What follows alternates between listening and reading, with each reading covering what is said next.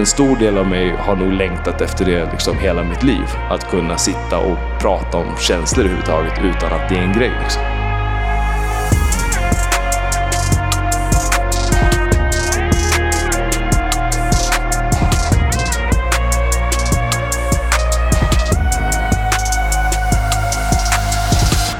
Ja, mina älskade kära vänner, då vill jag önska er varmt välkomna till En beroendepodd. En podcast som jag, Nemo Hedén, gör ihop med The House Rehab. Och den här podden gör vi för att försöka hjälpa alla beroende och alla medberoende där ute. Vi gör den för att försöka räta ut alla missförstånd och krossa alla fördomar. För att försöka sprida kunskap och att försöka sprida lite hopp i stugorna. Och eh, innan vi, eh, ja, presenterar veckans gäst så vill jag bara nämna en snabb sak. Och det är att idag så är det sista dagen om man vill boka ett signerat ex av min bok som heter kort och gott Beroende. Den släpps 3 januari, men ja, om ni bokar den idag så kan ni få ett signerat exemplar av mig. Och det gör ni via bokus.com. Ja, det var egentligen bara det. Jag ska plocka in veckans gäst och det är en människa som jag vet sitter på en väldigt, väldigt häftig livshistoria. Jag har inte hört den i sin helhet, men jag har hört fragment från den när vi har setts i olika sammanhang. Och eh, det ska bli fint att få lyssna på hans story idag. Jag vet att han gör mycket för andra människor och han är ett föredöme i tolvstegsvärlden. Säg varmt välkommen till Per Butenas. Tack snälla. Hej! Eh, kul att vara här. Det känns så roligt att höra eh, häftig eh, livshistoria. Det kan man väl tacka för på något sätt. Mm. Eller så. Kanske inte riktigt ser det så själv. Jag ser det mer som bara galet. Liksom. Men, mm. men ja. Det, ja, det. Det, beror nog på vad man lägger för um, definition i ordet häftig. Ja, exakt. Jag, jag tänker, när jag säger häftig så menar jag nog att det är liksom att man har levt ett rövarliv deluxe och ändå tagit sig ur det och landat i någonting väldigt fint mm, och lärt mm. sig mycket av sina missar och allt sånt där. Mm, det kan man väl lugnt säga. Mm. Så har varit fallet. Hur är dagsformen idag? Dagsformen idag är jävligt bra, eh, skulle jag säga. Lite eftermiddagstrött, men ändå pigg så som det brukar kunna vara. Flera spektran samtidigt, men det är bra. Mm. Mm. Vad har du för nykterhetsdatum? Eh, nu, räknat hur man ser alltså mitt nykterhetsdatum nu är 30 eh, maj 2017. Men jag har varit i tillfrisknande skulle jag säga sedan oktober 2011. Mm. Så jag hade fem och ett halvt år, tog ett återfall 2017, lång historia kort, och nu har jag fem och ett halvt år igen. Då. Mm. Ja, vi kommer nog till den biten, ja. tänker jag. Mm. För att just den eh, aspekten av din story är ganska intressant. Mm. Att du har ganska lång nykterhet, återfall och nu ganska lång nykterhet igen. Mm. jag, tänker att, jag tänker att många lyssnare kan nog lära sig mycket av just återfallet här, tänker jag. Vad, man, vad som hände och ja, allt kring det. Mm. Men som sagt, vi lär ju komma till det mm. när vi mm. hugger tag i din story. Um, är du från Stockholm eller? Jag är från Stockholm. Jag är uppväxt i Vårberg, söder om Stockholm, i Skärholmen. Ja, men vad fan, vi tar det lite från början då. Eh, vart eh, tar vi oss? Vårberg, söder om Stockholm. Vad eh, var förutsättningarna för dig, skulle du säga, i ditt liv? Ja, eh, nej men mina förutsättningar var väl så att som jag, jag växte upp som sagt i Vårberg. Jag är 91, 31 år gammal, så uppväxt precis där ja, man hann, jag hann bli tonåring innan bredband och allt sånt där kom. Så jag hann liksom växa upp i en bubbla, eh, så att säga, som man kanske inte växer upp i idag med internet och smartphones och allt sånt här. Och min eh, närmsta familj består av eh, eh ja, ganska många olika diagnoser och så vidare. Jag har en hel del olika former av psykisk ohälsa och en hel del missbruk i min eh, närmsta familj och i släkten i övrigt. Och så.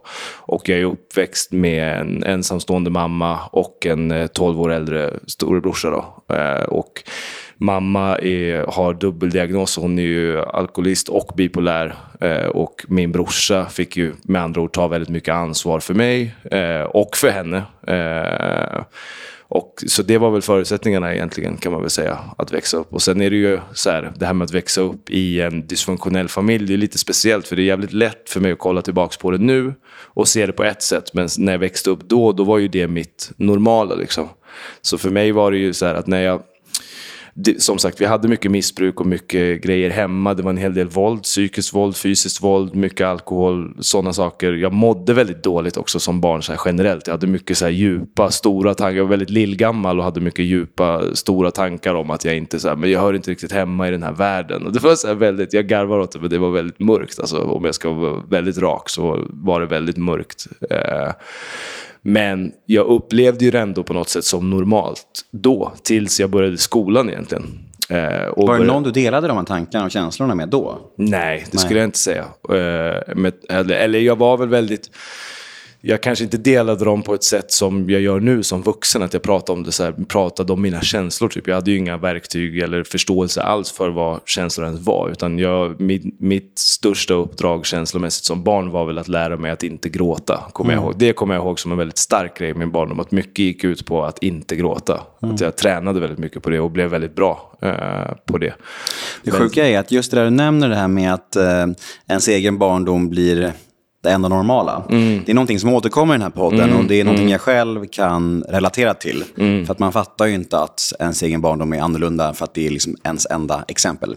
Precis. Och, och det är så märkligt, för då tänker man så här, hur illa ska det behöva bli mm. för att man ska kunna greppa att det här är inte normalt. Förmodligen Precis. extremt, extremt illa, sorgligt nog. Tänker exakt, jag. exakt. Ja, men det, dels, det, alltså, dels det, men sen så tror jag att jag tänker att det ligger, jag tänker att det är ganska logiskt att så här, det enda jag upplevde blev mitt normala rent intellektuellt sett hur jag liksom analyserade min omvärld, eller vad man ska säga. Om jag, om jag är med om våld varje dag, det är klart att det blir normaliserat för mig. Mm. För att det är en överlevnadsstrategi, liksom, rent psykologiskt. Men sen det blir just det där mötet med, alltså för mig blev det mötet med andra när jag började i skolan egentligen, när jag ser ja, men folk som är uppväxta i villaområdet i Vårberg till exempel och kommer och var så här glada mm. till skolan. Bara det var en så här, jag bara, hur fan kan ni vara glada mm. över att vara här?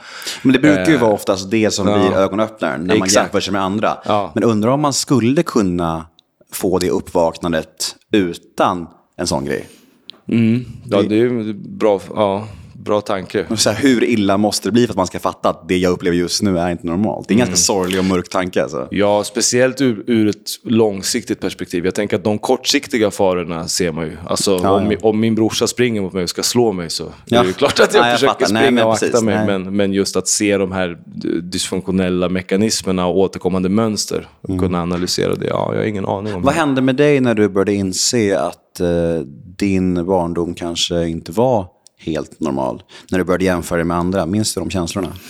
Alltså, jag tacklade ju det genom att höja mig själv väldigt mycket. Alltså, jag byggde ut ganska stort högmod skulle jag säga, framför allt. Eller, eller, eller så här, det kunde skifta. Jag bete- utåt sett, så jag byggde ett otroligt starkt självförtroende utåt sett. Så jag gick in i rum som att, som att jag var bäst, helt enkelt. Och jag, tyckte, och jag, liksom, jag valde att de här som verkade må bra och ha det trevligt, jag såg typ ner på dem tror jag, i mitt huvud som ett sätt att kanske skydda mig själv. Eller att inte, så här, att inte behöva gå in och kolla på hur det såg ut hos mig. Men sen kunde jag, alltså samtidigt, och det har säkert andra pratat om också tidigare, men så här, å, å, ena sidan kunde jag gå in i ett rum som att jag ägde hela världen, men jag kunde också känna mig samtidigt totalt ensam och sämst i hela jävla världen.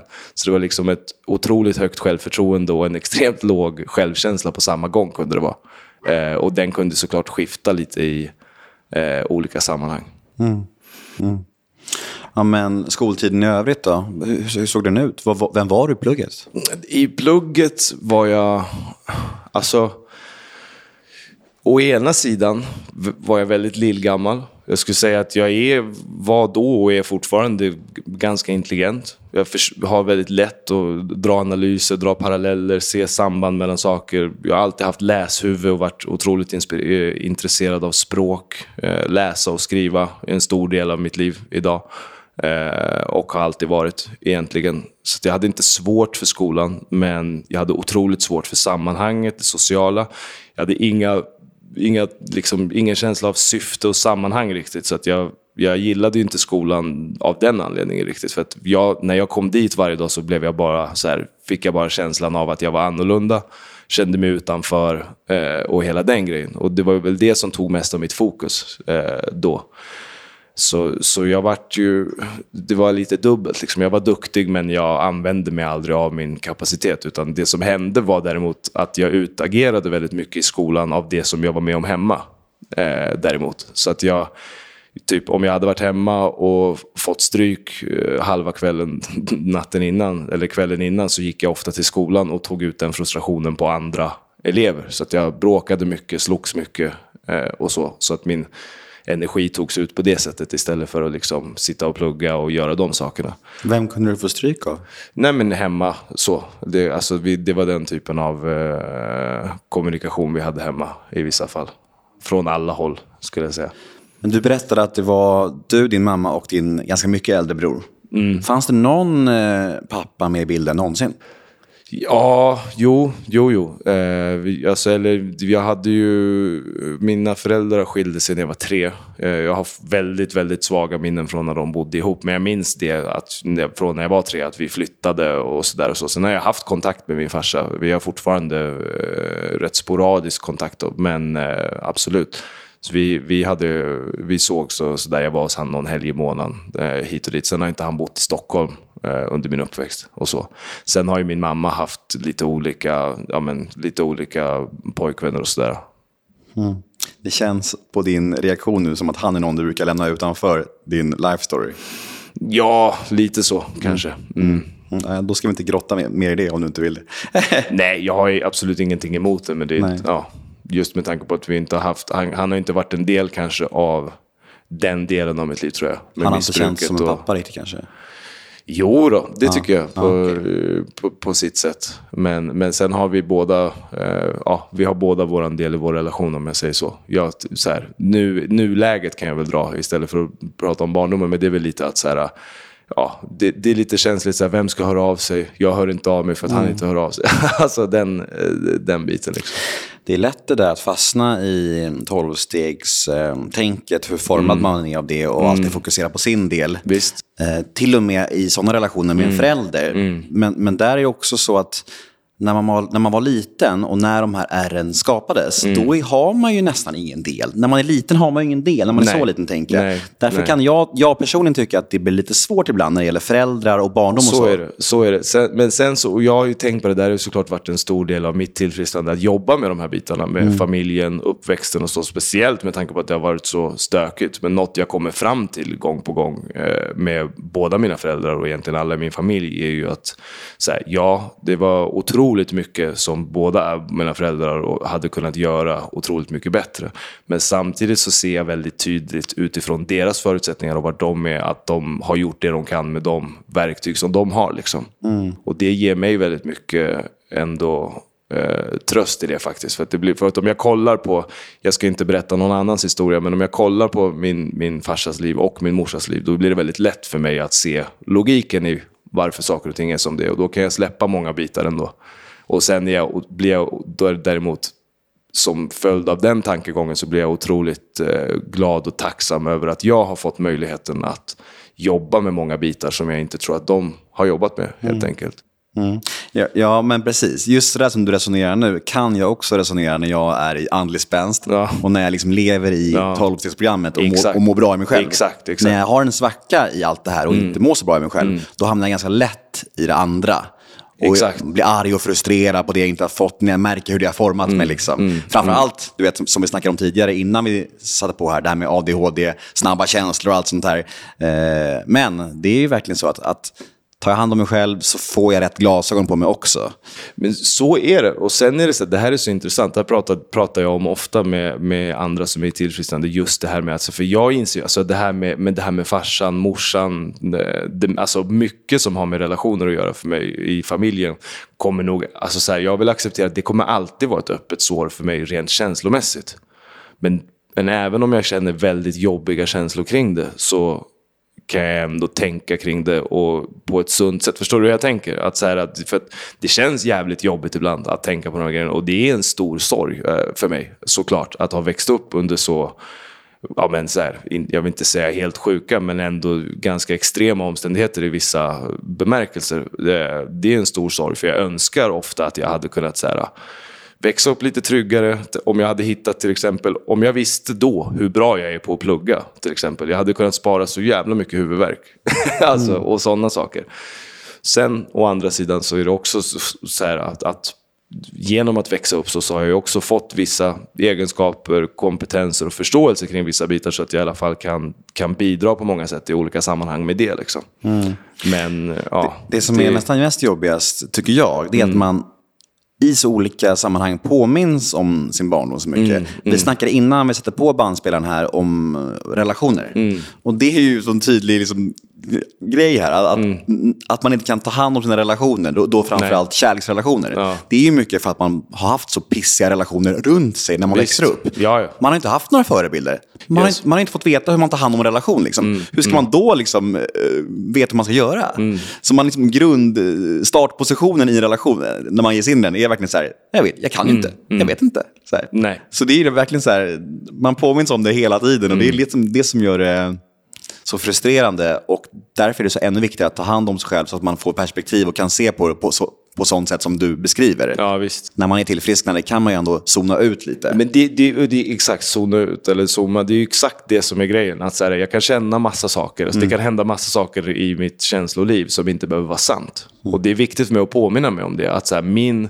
det var en stor del av varför det blev så skeva grejer i missbruket. För då trodde jag att allt jag kände var sant. Mm. Liksom. Det är så otroligt viktig egenskap känner jag i, som vuxen generellt tror jag. Att så här, bara för att jag känner massa saker behöver inte det nödvändigtvis vara verkligheten. Typ om jag dejtar tjejer och går och oroar mig över, om jag dejtar en speciell tjej och så kan jag ganska lätt bli orolig till exempel. Aha, kommer hon tycka det här? Kommer hon vilja sticka när det här? Kommer det där? Bla, bla, bla, bla. Sen när man väl pratar med dem, de bara så här, va? Det där har jag inte alls tänkt eller det där har jag inte alls känt. Men det är så lätt när man, som du säger, när jag inte är spänst och inte har koll på bitarna i mig själv. Då kan det vara lätt att börja tro på de här känslorna. Mm. Och jag har också, jag, alltså, jag vet inte om det är en också ADHD-grej och sådär, men jag har ju väldigt starka känslor. Mm. Jo tack, alltså, det är ganska ADHD ja. så, att grejer, så att när jag känner grejer, det är ju så här, jag måste ju ibland så här, uff, alltså nästan dra i någon slags nödbroms i mig ja. själv och bara sätta mig på händerna ibland och så här, andas några gånger innan jag liksom agerar på grejer. Och det kräver ju en del träning. Liksom. Det där är helt sjukt. Är, alltså hur ja. det kan bli ens huvud.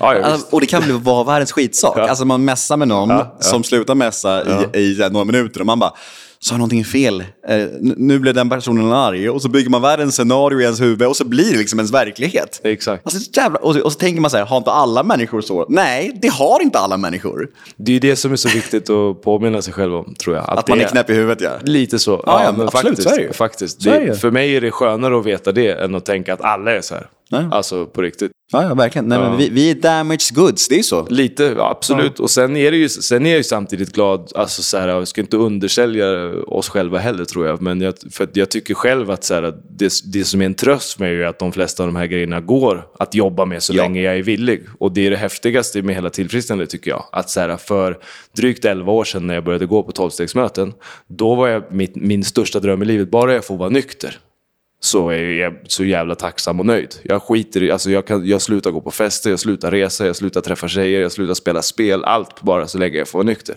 Nu får jag ju göra allt det där som jag inte trodde jag kunde göra nykter. Till exempel resa, ha roligt, alla grejer. Men också att jag får jobba med så här, lyxproblem typ. Mm. Så här, och hur kan jag vara bättre på att visa mig sårbar i vissa situationer? Till exempel, det för mig är ju ett, ett privilegium att få jobba med. Mm. Det är inte en liv eller död grej alls. Liksom, utan det är fine tuning på något sätt. Mm.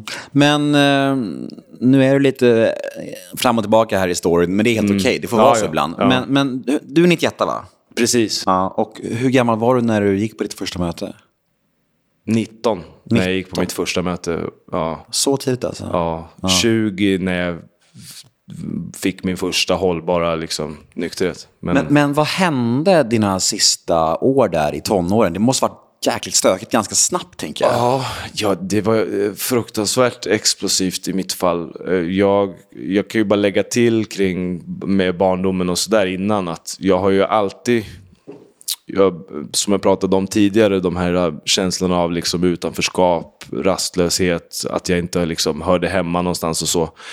det ledde ju också till alla möjliga, alltså ännu mörkare saker. Alltså mycket alltså självmordstankar, självmordsförsök och sånt väldigt tidigt som barn. Eh, och min lösning då på de här problemen har ju alltid varit externa. Liksom, hitta lösningar utifrån egentligen som på något sätt ska stilla min inre rastlöshet och oro. Och det var ju, och apropå då komma in på beroendepersonligheten, hur den har funkat hos mig, så kan jag ju se den så, så långt bak jag kan minnas. Liksom, att jag som barn, då handlade det mest om att försöka hitta socker till varje pris, äta massa godis, bli speedad liksom eh, göra, göra bus eller på olika sätt få uppmärksamhet, adrenalinkickar, eh, de bitarna. Även i skolan när jag slogs med andra barn och sånt. Typ, allt handlade egentligen för mig alltid om att få kickar, för att känna sensationer som på något sätt tog mig ut ur min liksom, inre känsla av rastlöshet egentligen. Eh, och, eh, och det är ju liksom blueprint på missbruk, eller mm. på beroendepersonligheten egentligen, enligt mig. Eh, och var så. Det är så sjukt, för att eh, som jag sa inledningsvis ja. så släpper jag en bok om beroende nu ganska snart. Ja. Och eh, jag skrev ju om, om just det här, mm. eh, som du berättar, mm. det här ganska nyligen, det här mm. kapitlet. Och, och, just det här med att gå från godis till eh, bekräftelse, mm. till alkohol, mm. droger, mm. sex. Det bara går som en röd tråd. Liksom. Ja, ja, och ganska harmlöst i början och så blir, mm. blir det så allvarligare, allvarligare, farligare, farligare, farligare. Så jag kan liksom relatera till varenda ord du säger där. Ja, ja. Det är helt sjukt alltså. Och, och, det tror jag de flesta jag pratar med som kommer från liknande bakgrund kan göra. Liksom. Mm. Uh, och det är så man kan prata om det här hur vitt och brett som helst, men det är oftast det som är den, den om jag skulle liksom sammanfatta beroendepersonligheten i någon så här kärna, då är det just det där. Att så här, mm. jag löser alla mina problem utanför mig själv. Mm. Problem som ligger i mig själv löser jag med saker utanför mig själv, istället för att kolla på rätt ställe. Mm. Det är som att ja, skylla på grannen för att ens tomt, eh, gräsmatta inte är klippt, fan vet jag. Mm. Alltså så klassisk förnekelsegrej egentligen. Men ja, så apropå tonåren och sådär. Så det som, så det som var var väl väldigt, alltså hur fan ska jag sammanfatta det här? För det, det, är så svårt på så här kort tid. Men för allt är ju väldigt dubbelt och det finns olika perspektiv att se saker från. För det här med alkohol till exempel, jag hatade alkohol. Jag föraktade alkohol så jävla mycket eh, som barn. Alltså att morsan drack, det var otroligt eh, jobbigt för mig att hon valde att gå ut och dricka istället för att vara hemma eh, ofta. Jag brukade så här, stå och skydda, alltså jag brukade försöka vakta dörren när hon skulle ut ibland och bara så här, verkligen bad henne stanna hemma och hon eh, drog ändå. Och det gjorde så jävla ont. Eh, men och, eh, sen när jag väl började dricka då, så blev jag ju likadan själv, men, men det är en annan sak. Så i mitt fall just alkohol och den typen av missbruk, det var egentligen i högstadiet. Så var, minns jag att jag för första gången i mitt liv började tänka så här, ah, på det här med tillhörighet och gemenskap och grupper. Vad gör folk? Så här, jag, och jag, hade, jag kom ut, jag fick börja gå i stor klass igen. Jag hade gått i sån här liten eh, obs-klass hela mellanstadiet typ. Och så fick jag komma ut i storklass och så hade alla MP3 och Levi's jeans var det då, Adidas dress och sådär. Och jag bara, så här, det är typ det här man måste ha så här, för att skaffa polare. Jag började se värdet av det. Aldrig brytt mig om sånt när jag var yngre. Jag var den här som ville leka själv. Jag tyckte alla var idioter. Men, men där började jag se något slags värde i det. Liksom. Och många började dricka. Eh, så jag insåg att så här, ja, jag, jag typ kom, snarare, jag kom så här till lags med att jag så här, ja, någon gång kommer jag väl behöva dricka. Liksom.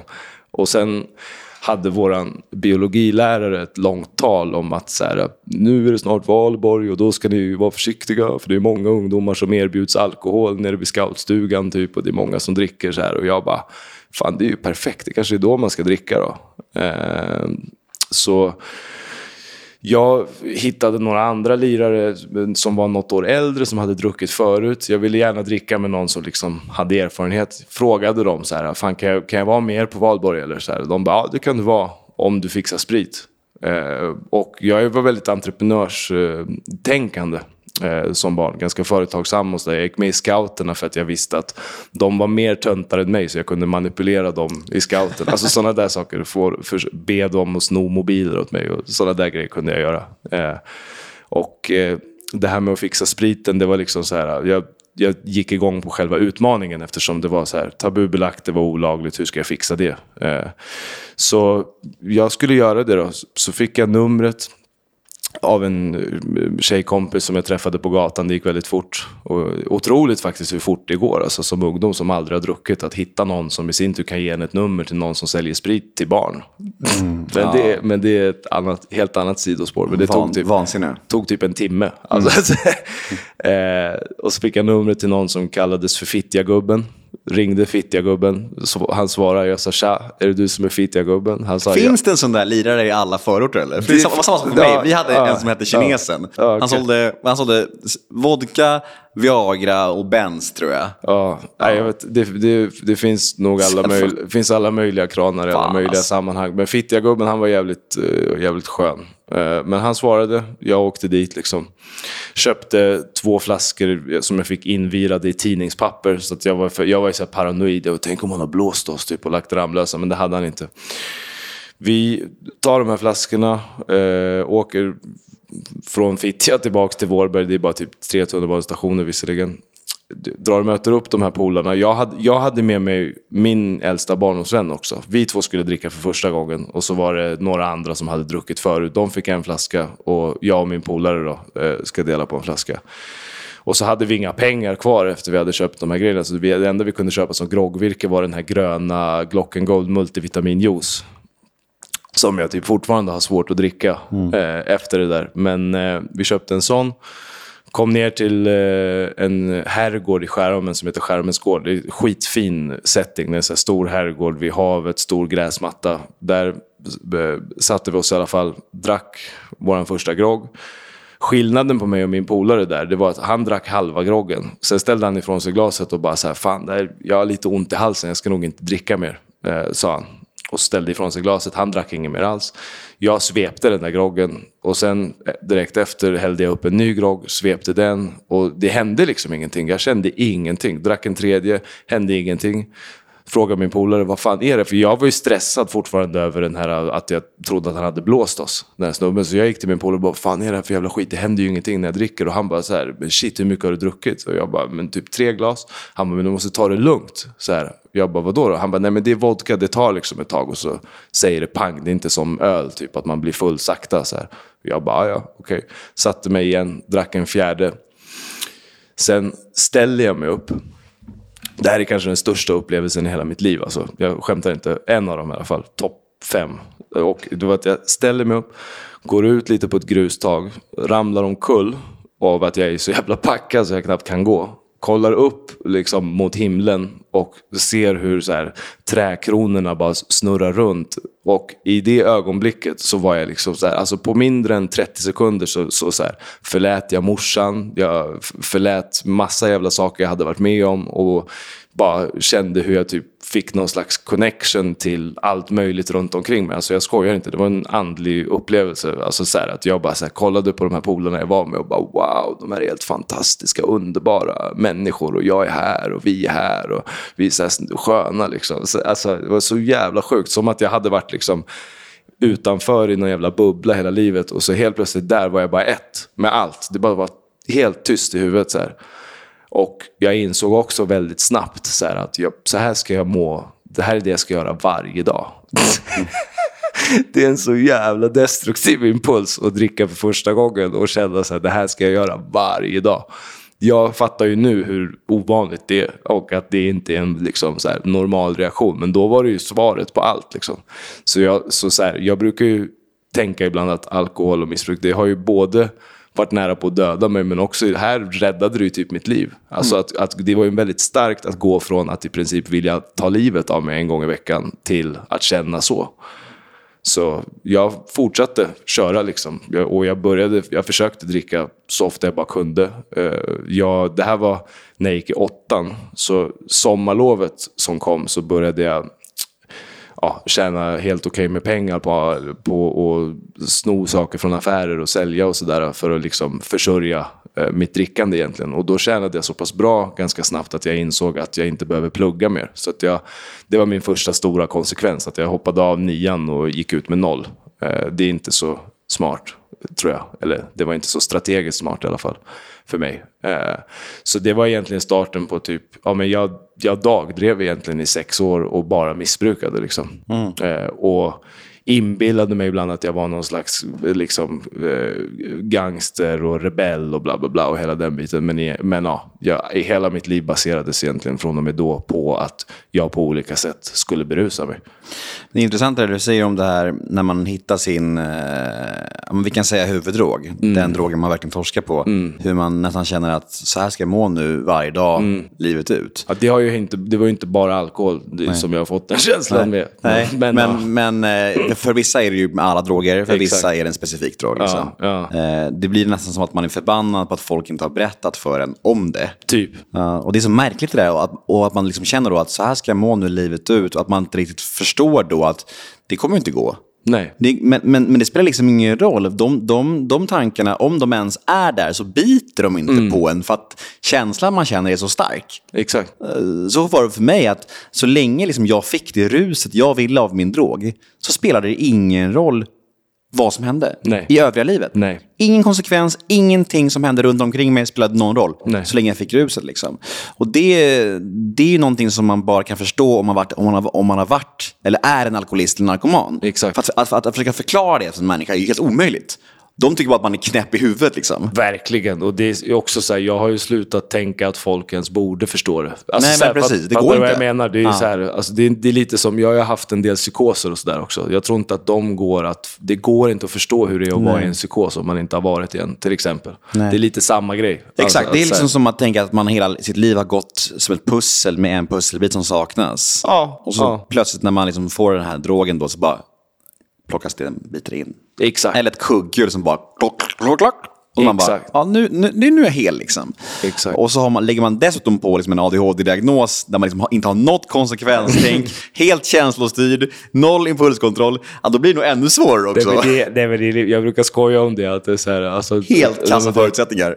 Så här, ung som jag var, en ung, arg, lång man med liksom noll känsla av mål och syfte. Bara det är ju en fara ja, i sig. Liksom. Nej, alltså, och, och, i kombination med missbruket. Alltså, det är så sjukt mycket som kunde gått snett. Och det mm gick ju, det var mycket som gick snett. Men ja. ja jag känner igen mig väldigt mycket och, och, det är väl fint att man kan göra det och mm. sitta här så många år senare och bara kunna garva åt det lite. Ja, mm. ja det, det tycker jag vi har rätt att göra.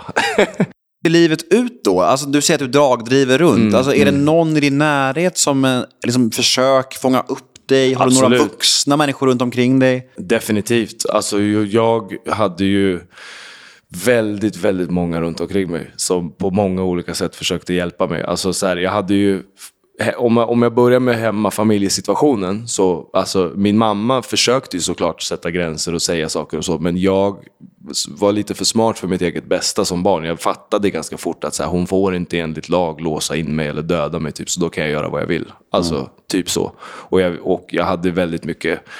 Det är svårt det där, hon gick ut och drack, jag använde ju det mycket mot henne. Och bara, du är ju bara ute och dricker hela tiden själv, du kan inte säga någonting till mig. Alltså hela den, alla de grejerna. Det var ju mm. jättedyssigt liksom hemma eh, på så sätt.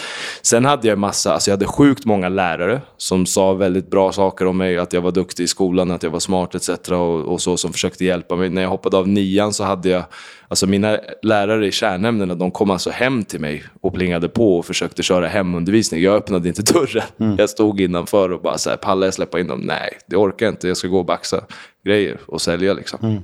Och eh, jag hade också en så här kontaktperson eh, via socialtjänsten som man träffar en gång i veckan. Det tror jag bidragit, bidragit jättemycket till att jag sen faktiskt tog mig ur missbruket senare. För att det gav, kontaktpersonen som jag hade, eh, vi sågs alltid inne på Söder. Så det var liksom en anledning för mig att komma ut ur, inte nödvändigtvis just från Vårberg, men i huvud taget att komma bort från den miljön jag missbrukade i och bara komma till en annan del av stan och se andra saker gjorde att jag ändå hade någon slags uppfattning om att det fanns något annat. För det som händer i hjärnan för mig, när jag börjar missbruka, hoppar av skolan, gör ingen aktivitet, går bara runt i Vårberg, det är att jag börjar ju leva i en pytte, pytteliten bubbla. Alltså min världshorisont är ju som en, vad heter de här som man har, en rockring. Mm. Typ. Alltså det, hela världen finns och jag ser bara, det är bara Vårberg, det är bara Skärholmen, det är bara glida runt i det och jag byggde en stark identitet i det också. Att så här, vi har allt vi behöver här, det här är mm. förorten och hela den grejen. Eh, och jag har fortfarande en ganska stark anknytning till vart jag är uppväxt och så. Det tror jag de flesta har. Men det var väldigt starkt i tonåren. Liksom. Och det var mm. en stor del av min, vart jag la min identitet. Liksom. Så det hjälpte mycket att komma ut från det lite. Eh, ibland och bara här, se annat. Men så det fanns ju folk som försökte på olika sätt. Men vad Absolut. var annorlunda då, den dagen du faktiskt ville testa ett möte? Ja, men då hade jag ju varit med, nu hoppar vi många steg, men då hade jag ju varit med om så pass mycket att jag var så knäckt att jag förstod så här, att det var liv eller död. Liksom. Ja, ja vi behöver inte alltså, gå igenom allt, för det hinner vi inte. Men, men, men ge ett exempel på hur, hur tillvaron såg ut då ungefär. Alltså jag kan säga att jag hade ju...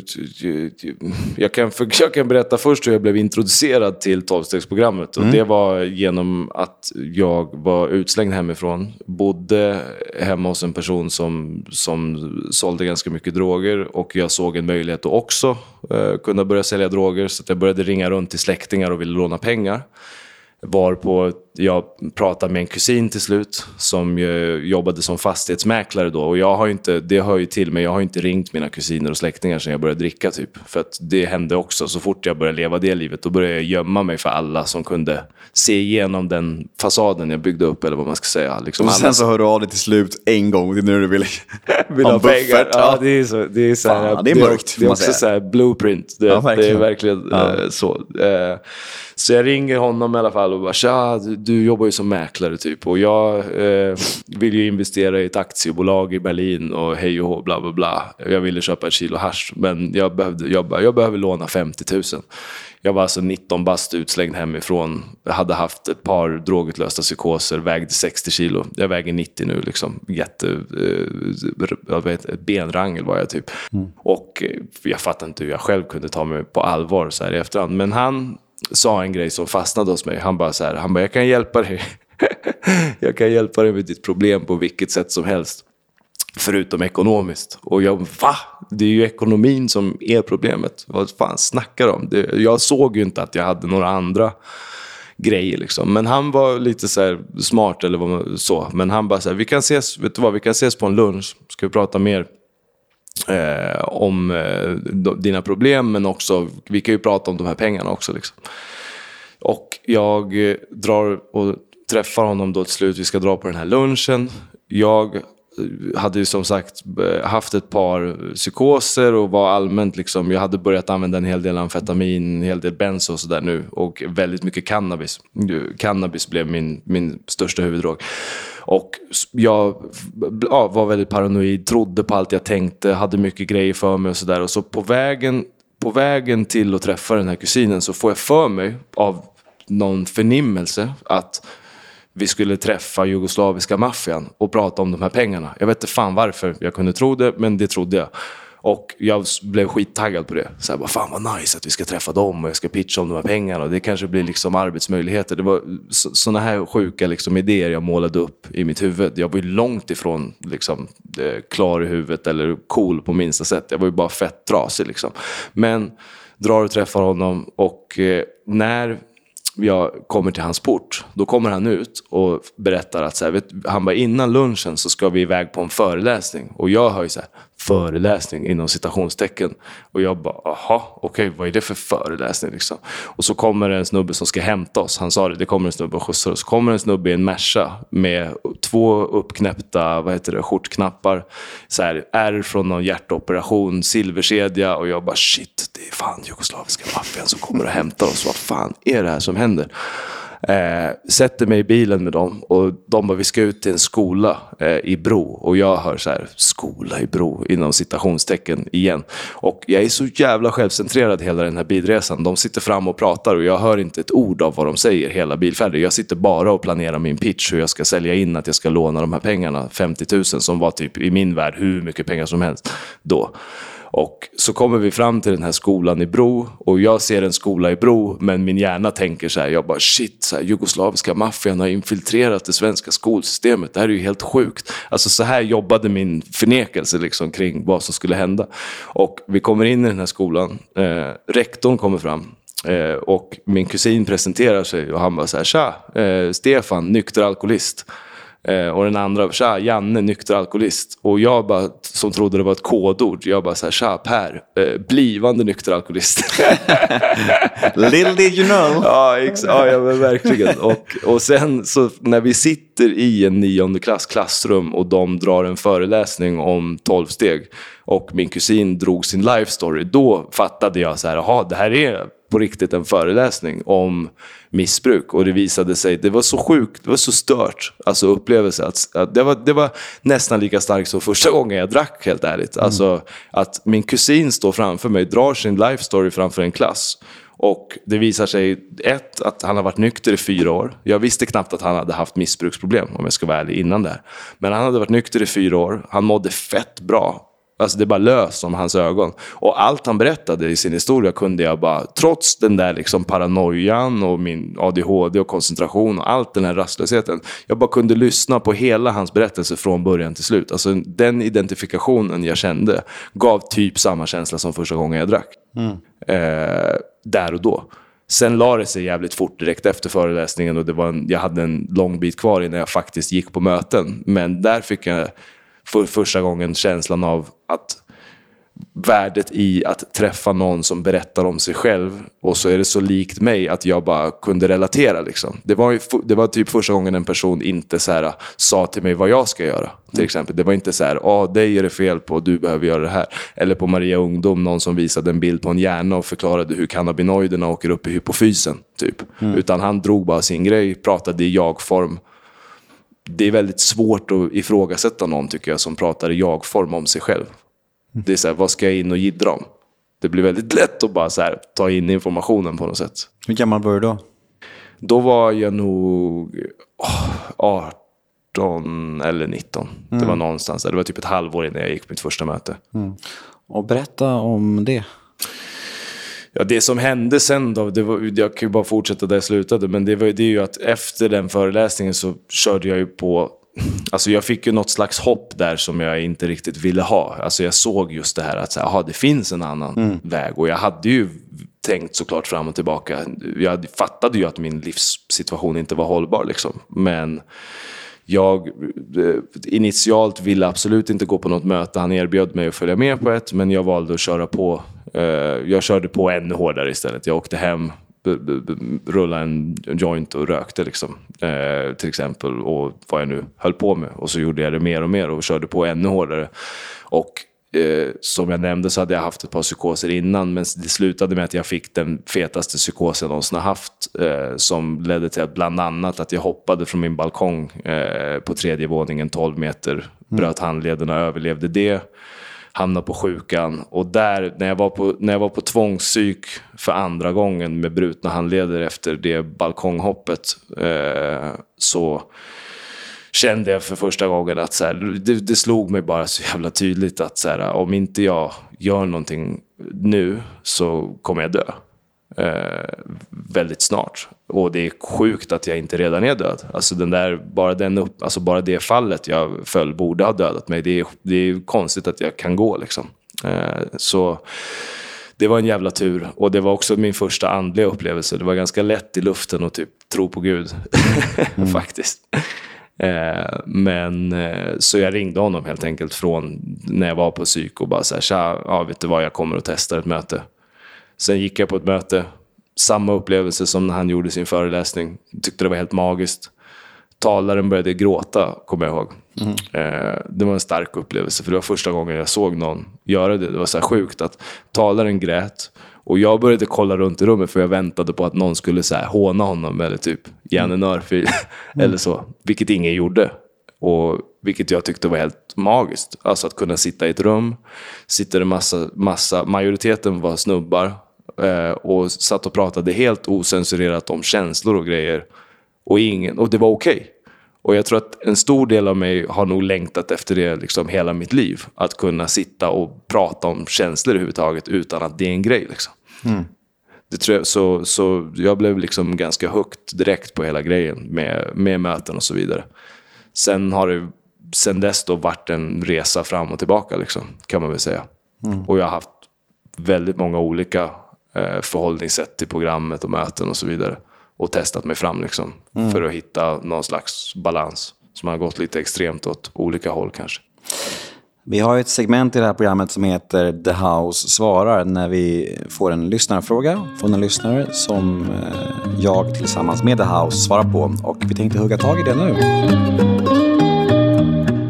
Ja, då har jag fått två riktiga favoriter framför mig i varsin fåtölj här. Anna och Robert från The House Rehab. Hej på er! Hej Nemo. Hej Nemo. Hej. Vi ska försöka sprida lite visdom och kunskap ut i stugorna den här veckan också. Mm.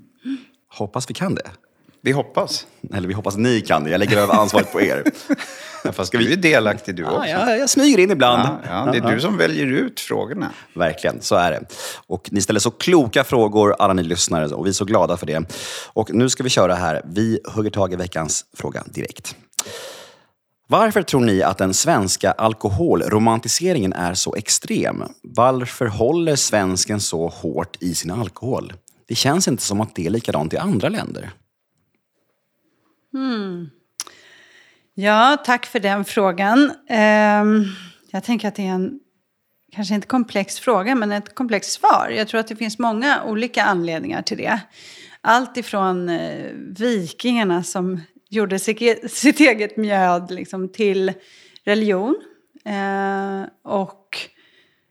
Ehm, Ja, vad säger du, Robert? Vad tänker du på? Alltså jag, tror att, jag tror att det väldigt mycket handlar om, om förbud. Ehm, att, att, Eh, och jag till, vi har ju diskuterat några liknande frågor tidigare. Men, men jag menar ju att vi har en väldigt osund alkoholkultur i Sverige. Eh, nu har den svängt lite grann eh, de senaste tio åren och blivit också lite europeisk. så det som har hänt i Sverige är ju att svenskarna både dricker på det europeiska sättet, ett härligt glas vin en onsdag eftermiddag, men också på det gamla svenska sättet att hälla i sig så mycket man kan eh, så fort som möjligt för att det är fredag. Eh, och jag eh, tillhör faktiskt de tror jag, få nyktra som tycker att Systembolaget är tyvärr förkastligt, det systemet. Jag tror att det har bidragit till ett osunt drickande. Med, med bestämda tider och bestämda dagar och, och har lett till att man köper på sig så mycket som möjligt. Ehm, och det har ju också svenskarna genom tiderna visat att man kan inte bete sig när man åker till Spanien. Man kan inte bete sig när man hamnar i Österrike.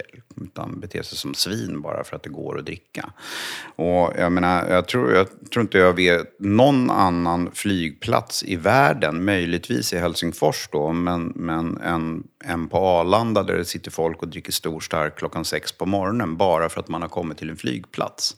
Heller inget annat ställe där man åker ut på en stor båt bara för att dricka. Mm. Alltså kryssnings... Ja, nej, precis. Nej, men det där är ju, mm. det är ju intressant. Och det, det, man undrar liksom varför, varför, varför det är så och, och, om det finns andra länder som är lika extrema. Jag har så svårt att se mm. det. Men tittar man på Berlin till exempel, jag har ju bott där. Ehm, och det finns ju otroligt mycket ehm, drogproblematik och, och, naturligtvis alkoholproblematik också. Men om vi bara tar det som ett exempel för, för en, säg en 16-åring. En 16-åring får eh, köpa öl i Berlin för det första. Ja, men en 16-åring, 17-åring som kommer från Sverige och, och eh, landar i Berlin har min upplevelse varit att de tar det mycket lugnare när de festar där. Ja, därför att de vet att de kan komma in på nästa klubb eller de kan komma in på nästa restaurang. Ja. Och de kan köpa en öl till. De behöver inte köpa en hel platta öl eller, eller tre flaskor med sprit. Eh, här i Sverige om det ska festas och man väl kommer in på en klubb om man är ung till exempel. Eh, men då handlar det ju om att dricka så mycket man kan till klockan tre när allting stänger. Eh, och lyckas man få någon att köpa ut så handlar det om att köpa ut så mycket som möjligt för att man lyckades med det här. Eh, och det leder ju till ett otroligt osunt förhållningssätt till alkohol. Att vi också har, alltså vi är tillknäppta i det här landet. Alltså när det gäller att visa glädje eller visa sorg eller i andra kulturer så Ehm, Är man mer öppen? Har man, ja, man är öppen med vad man känner. Mm, i, precis. Alltså med eller utan alkohol, förstår ni? Men här så blir alkoholen ett utlopp för de här känslorna. Ja, det är intressant det. Man ska kunna prata om det här jättelänge känns det som. Det Eh, tror jag. Men eh, vi ska inte dröja för mer. Vi, det var ett bra svar som det var tycker jag. Eh, vad, eh, om man vill vända sig till er på The House Rehab, hur gör man då? Mm, då går det bra att mejla till alicia at thehouserehab.com eller till sandra at thehouserehab.com. Eller ska man ringa till oss och vårt telefonnummer står på hemsidan. Fint. Ja, ska vi säga så? Tack så mycket. Tack. Tack. Tack till er som ställde frågan och tack till eh, ja, The House för att ni hjälper till och svarar på veckans fråga. Ja, din eh, nykterhet har varit lite krokig, låter så negativt, men det har varit lite uppdelat ju kan man säga. Ja, ja. Eh, för först hade du en ganska lång nykterhet, i fyra och ett halvt år, var det? Fem och ett halvt. Fem och ett halvt. Ska vi prata lite om återfallet och vad som föranledde det och sådär? För att som vi sa inledningsvis, jag tycker att sådana historier är ganska viktiga att lyfta. För att det finns nog många människor där ute som tänker, jaha, vad hände då? Vad ska man passa sig för? Vad gjorde han fel? Och sådär. För att många historier är ju ganska spikraka ändå, när det gäller att hålla sig nyktra i alla fall. Sen är ju måendet upp och ner alltid, så är det ju. Ja, Men just den här nykterheten kan, är ofta att, ja, nu har jag varit nykter i 12 år i sträck. Liksom. Vad hände och hur såg det ut? Ja, jag, jag ser nog på det där ur lite bredare, mer nyanserat perspektiv. För att jag tycker att också så här att bara för att jag är nykter, alltså om jag är alltså, nykter i den mån att jag inte dricker och knarkar. Jag kan ju vara, jag kan ju definitivt missbruka träning, jag kan missbruka, alltså så det här med hur jag ser på, jag ser inte mig som, alltså jag ser mig mer som i tillfrisknande än att jag är nykter tror jag. För att när jag slutar dricka och knarka då försöker ändå min beroendepersonlighet hitta andra vägar också. Ska jag väl bara börja med, att- med att säga det. Liksom. Så att min upplevelse är ändå så att jag har varit i tillfrisknande och jobbat med mig själv i 11 år. Liksom. Och sen tog jag ett återfall substansmässigt efter fem och ett halvt år. Det ser jag som en del av resan. Liksom. Att jag är det, det här med nykterheten, det blir farligt för mig att börja se det så här, när jag börjar se det svart eller vitt. Att så här, antingen är jag nykter eller så är jag inte. För att som jag ser det så är ju en slags riktning.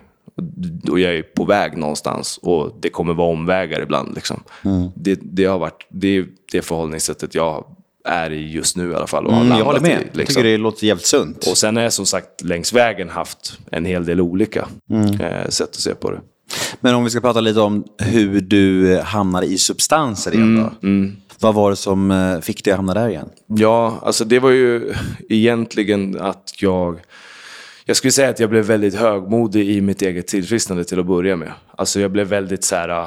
Eh, jag hade en period, alltså det här, med, det här med att jobba i stegen. Jag ska försöka förklara det här på ett sätt så att det, blir begri- så att det inte blir för internt för folk som håller på med 12 steg redan massa. Du får liksom Men- prata i eh, Ja. breda penslar så att, så att ja, det blir men precis, tillgängligt. Precis, men som jag sa, just det här med att jag har liksom alltid som sagt försökt hitta så här, lösningar utanför mig själv.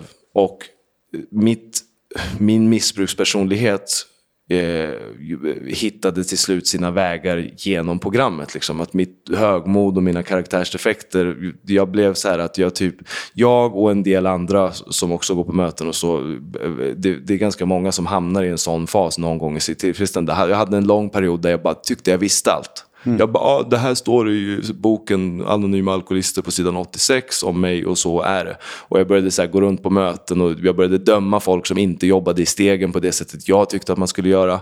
Jag var så här, eh, väldigt, jag fick en väldigt smal syn på vad som är tillfrisknande och vad som inte är, framför allt. Och det det gjorde var så här, jag hade inte fel i sak tror jag om att jag fick en väldigt st- stor kunskap av programmet genom att typ sitta och studera stora boken jättemycket och hej och hå, bla bla bla och det där. Men däremot så gjorde jag, jag typ satte mig själv i en situation, tror jag, på mötena framför allt, där jag inte... Jag började till exempel förespråka så här att man ska, typ, man ska bara prata om lösningen på möten. För att tradition 5 är att vi ska föra budskapet vidare. Och budskapet är stegen, typ så. Och då är det så här, aha, då har jag rutat in en så stor grej till någon liten regel till exempel. Men det gjorde ju att jag, när jag, när jag började få det jobbigt, jag gick inte på möten och delade om att så här, nu är det tufft. Eller så här, jag började liksom inte, började spela en roll ibland tror jag på mötena i det. Så här, jag tror att det kan vara farligt. Alltså jag förespråkar fortfarande att man ska prata om lösningen på möten. Men jag förespråkar lika mycket att jag måste vara sann mot mig själv. Om jag inte mår bra så måste jag kunna prata om det. Liksom. Oavsett Jätte, om det är på möten. Jätteviktigt, Ja. det här du säger nyss nu. För det kan ju lätt bli så att, att folk blir lite mekaniska och man är så fokuserad på lösningen, vilket är det viktigaste. Ja. Men, men, eh, men, men jag kan nästan bli glad och piggas upp av när någon pratar och mår dåligt. Förstår du vad jag menar? Det är liksom inte så att det, det är inte bra om någon Ja. mår dåligt, men när någon visar äkta dagsform. Exakt, men för det, för det, är så här, det som är så viktigt att förstå för mig, eller blev för mig, det är ju att så här, tillfrisknande, det är inte att jag är så glad och lyser i ögonen och allt är magiskt. Bla, bla. Det handlar mer om för mig att acceptera den känslan jag är i. Alltså, så här, det brukar väl sägas, tror jag, att människor har typ nio grundkänslor eller någonting sånt där. Och jag tror att två av dem är det man brukar kalla för positiva. Jag ifrågasätter ju varför vi ens pratar om känslor i form av dåliga och bra känslor, till exempel. Men, men så här, det, det är klart att jag i mitt tillfrisknande kommer ha piss mycket ångest ibland. Jag kommer vara ledsen, jag kommer vara sur, jag kommer vara arg. Det betyder liksom inte att jag inte lever i lösningen eller att jag inte jobbar med mig själv eller att jag inte går framåt. Vilket många kan få för sig och många kan tro. Jag trodde i alla fall det när jag hade så här, om jag typ var sur, då var jag så här, det här är harm och det ska man inte känna för då kan jag dö i alkoholism. Typ. Alltså så här, det blir en så kraftig förenkling av verkligheten. För mig blev det det i alla fall. Och det gjorde att jag började i alla fall, jag började, det började med det och då drog jag mig från mötena. För att jag tyckte att alla på mötena typ gjorde fel. Och jag är ju övertygad om att det här var min mentala besatthet och min beroendepersonlighet. som hittade ett sätt att försöka få mig, eller lyckades till slut att få mig tillbaka till att ta substanser. För det var exakt samma beteende. Så här, jag började jag fick den här känslan av rastlöshet och lätt irritation och- jag blev jävligt missnöjd med allt igen. Och jag började liksom skärma mig av alla i tillfredsställande världen. Liksom. Jag slutade gå på möten, jag levde i mitt liv och gjorde mina grejer. Jag var, hade blivit hyfsat framgångsrik då inom stradpoesi, eh, som jag har hållit på med mycket, uppträtt med poesi och så. Och, och i det fått lite, så här, lite högmod faktiskt, tror jag. Och det funkade bra ganska länge att inte gå på möten också. Det var så här, efter ett år utan möten var jag så här, ah, fan det här har ju funkat skitbra liksom. Men då hade jag fortfarande en omgivning som funkade på det sättet jag ville typ. Så här, jobbet gick bra, min karriär med poesin gick bra just då, min relation gick bra. Men det som händer när jag slutar jobba med mig själv, det är ju liksom att jag... Eh, Eh, de här karaktärsdefekterna med högmodet, den här känslan jag hade som barn av att alla andra är idioter och jag är den som har rätt. Det där börjar smyga tillbaks. Så sakta men säkert att jag inte, så jag märker inte själv. Det är som när man slutar träna på gymmet. Att kroppen tappar musklerna så sakta att jag inte märker skillnaden. Och sen när man går till gymmet igen efter ett halvår, då så här bara shit, är det det här jag har missat? Lite samma sak med det här liksom. Att jag går sakta men säkert in i så här gamla Tankemönster som i sin tur skapar beteenden. Liksom. Och eh, det som blev till slut då var ju det, alltså så här, att jag alla de här grejerna som jag blev så kaxig av att jag fick eh, hade jag ju, tappade jag ju successivt. Jobbet gick åt helvete. Eh, jag slutade uppträda med poesi professionellt för att jag av alla möjliga skäl egentligen, jag bara ruttnade på det. Eh, relationen jag var i länge tog slut. Jag flyttade hem till morsan igen i Vårberg. Eh, det tar ju på egot, liksom, hela den biten. Och sen som en blixt från klar himmel efter, då hade det gått två år tror jag utan möten, så bara visste jag att jag ska röka hasch.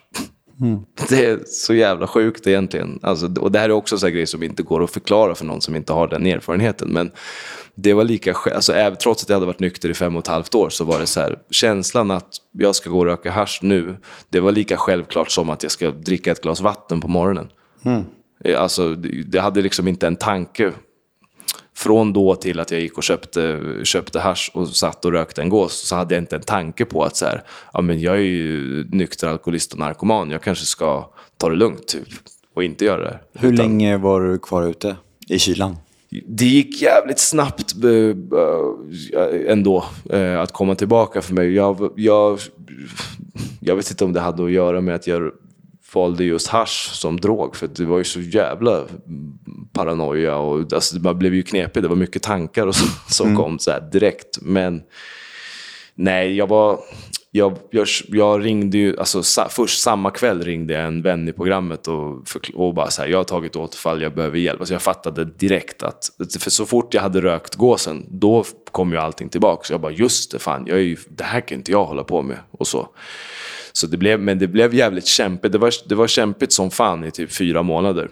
Eh, och det är små marginaler tror jag som gjorde att jag lyckades komma tillbaka. För att jag, det var så här varje dag. Alltså, jag köpte en femma hasch, rökte eh, en pytte, pytteliten gås. Liksom. Eh, fick paranoia, spola ner allt. Nu ska jag bli nykter igen. Imorgon ska jag på möte. Nästa dag, då bara...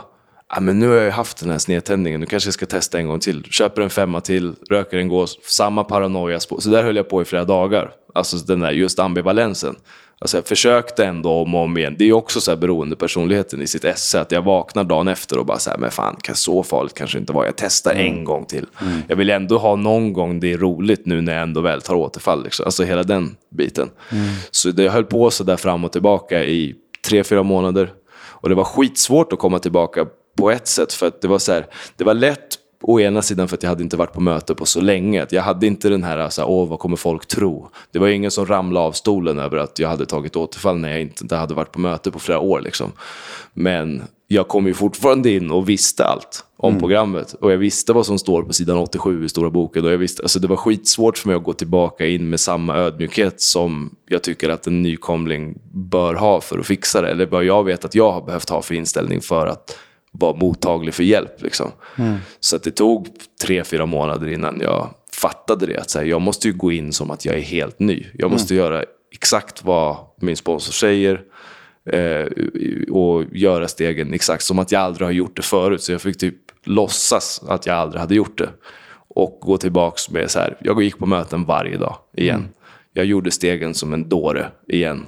Eh, och eh, ja, efter kanske ett halvår nykter så kände jag väl att jag var tillbaks typ där jag hade varit innan jag började insjukna tidigare. Så att nej, jag är sjukt tacksam och glad över det, att det gick. Och nu har det gått några år igen ju. Ja, Ja. Vad ska du göra nu för att förhindra att hamna tillbaka i samma lömska mönster? Bra fråga. Eh, jag kan inte ge ett rakt svar. Det jag kan säga är att där jag är idag och sen några år tillbaka, jag är ju i mitt livsform. Alltså på alla plan kan jag säga. Väldigt arrogant så. Eh, Och jag har framförallt hittat en väldigt bra balans i det mesta i livet. Alltså att jag, jag har väldigt många olika verktyg och lösningar inom många olika områden i livet idag. Så jag är ganska rustad, känner jag, för allt möjligt. Men, så jag har liksom byggt en vardag där jag går, jag går på ett par möten i veckan. Jag har serviceuppdrag eh, som jag det bara går av sig själv just nu. Jag har liksom inte en tanke i så här motstånd kring det eller tankar kring det. Jag har blivit mycket, hela det här återfallet har ju gett mig otroligt mycket bredare perspektiv också eh, inom stegen och sådär. Så att jag, jag har väl ett annat förhållningssätt till hur alla andra gör och så vidare och de bitarna. Utan jag har vågat, tror jag, börjat bli mig själv helt osensurerat i typ alla sammanhang. Eh, vilket är en stor nyckel för mig. Att jag går inte in och så här, låtsas att jag har, jag har bäst tillfrisknande och jag ska sponsra massa folk och jag ska göra massa alltså jag skiter i allt det där. Vadå, vadå, är det ingen tävling? Nej, tydligen inte. Vad sjukt. Ja. Jag trodde det. Ja, Ja, nej, jag kunde också tro det. Tack för att du berättade det för mig. Ja. Nej. Nej, Nej, men- eh, jag, jag känner igen det där. Hur man eh, i perioder har kunnat bli väldigt högmodig och arrogant och, och fått de där tankarna och känslorna. Och jag tror att det är, många behöver påminnas just om Mm. Ja. Ja, men för mig har det varit en stor del av mitt missbruk, just den grejen. Att jag, så här, jag får för mig av någon anledning att folk är så här, folk inte tänker rätt kring vissa saker och det gör att min hjärna eh, hit, kan hitta en väg och fly från det. Liksom. Så. Men nej, så det, ja, jag kör på. Och sen gör jag ju även mycket, alltså jag kör ju 12 steg, men sen tar jag hand om mig själv på andra sätt också. Liksom, där som man brukar rekommendera i, många olika forum. Liksom. Äta helt okej, ta hand om mig själv fysiskt också. Hjälper mig otroligt mycket. Eh, ja, sådana bitar. Bra socialt liv, värna om mina relationer, försöka vara till nytta. Du, eh, vad fint det här var. Tack för att du kom förbi. Tack själv. Tack Känns själv. det okej? Ja, nej men det känns okej. Sen är det som alltid, jag är ju lite av en professionell skitsnackare. Så det är så mycket, Men jag får alltid dåligt samvete när jag liksom skyndar på folk lite. Men det är bara att vi försöker hålla oss till en timmes poddar. Och då ja. blir jag så här, jag, får typ så här, jag känner mig jo- jobbig när jag säger så här, vi måste vidare till... ja, men jag fattar ju det, för Ja, jag är själv en, en, en proffsbabblare. Så att eh, när jag har hamnat i sammanhang så kan jag liksom snacka hur mycket som helst. Och bara så här, har jag har inte kommit någonstans. Eh, men jag tycker att du fick med ja, en väldigt, väldigt bra livshistoria. Och eh, jag är övertygad om att det här kommer hjälpa jättemånga. Mm. Och jag kan väl bara lägga till det att, att eh, skulle det vara någon som lyssnar som har frågor eller whatever. Jag jobbar ju också med sånt här. Jag är ju både socialpedagog och coach och har jobbat som alkohol och drogterapeut. Eh, så det, man kan skriva till mig också på Instagram till exempel. At Per Butenas heter jag, stavas exakt som det låter. Eh, om man har frågor kring missbruk eller whatever. Eh, men summa summarum så det är väl lite så min resa har sett ut i alla fall. Och jag är sjukt tacksam över att jag får vara där jag är idag. Det är ganska häftigt när jag tänker på det nu. Som du sa i början, det är faktiskt ganska häftigt Mm, Nu gått sa, du, nu sa du ordet själv. Ja, jag menar det. Ja, men, och att, ja, men att få ha gått den resan som jag har gjort. Och det är lite roligare att sitta och snacka i en podd liksom, Mm. än att sitta i ett källarförråd och freebasea och hypnol. Så kan man väl säga. Om man måste välja så är det Om jag det. måste välja, Ja. exakt. Tack till eh, alla fina lyssnare där ute. Hoppas ni lyssnar igen nästa onsdag. Och tack till Per Butenas för att du kom förbi. Tack snälla. Hej då!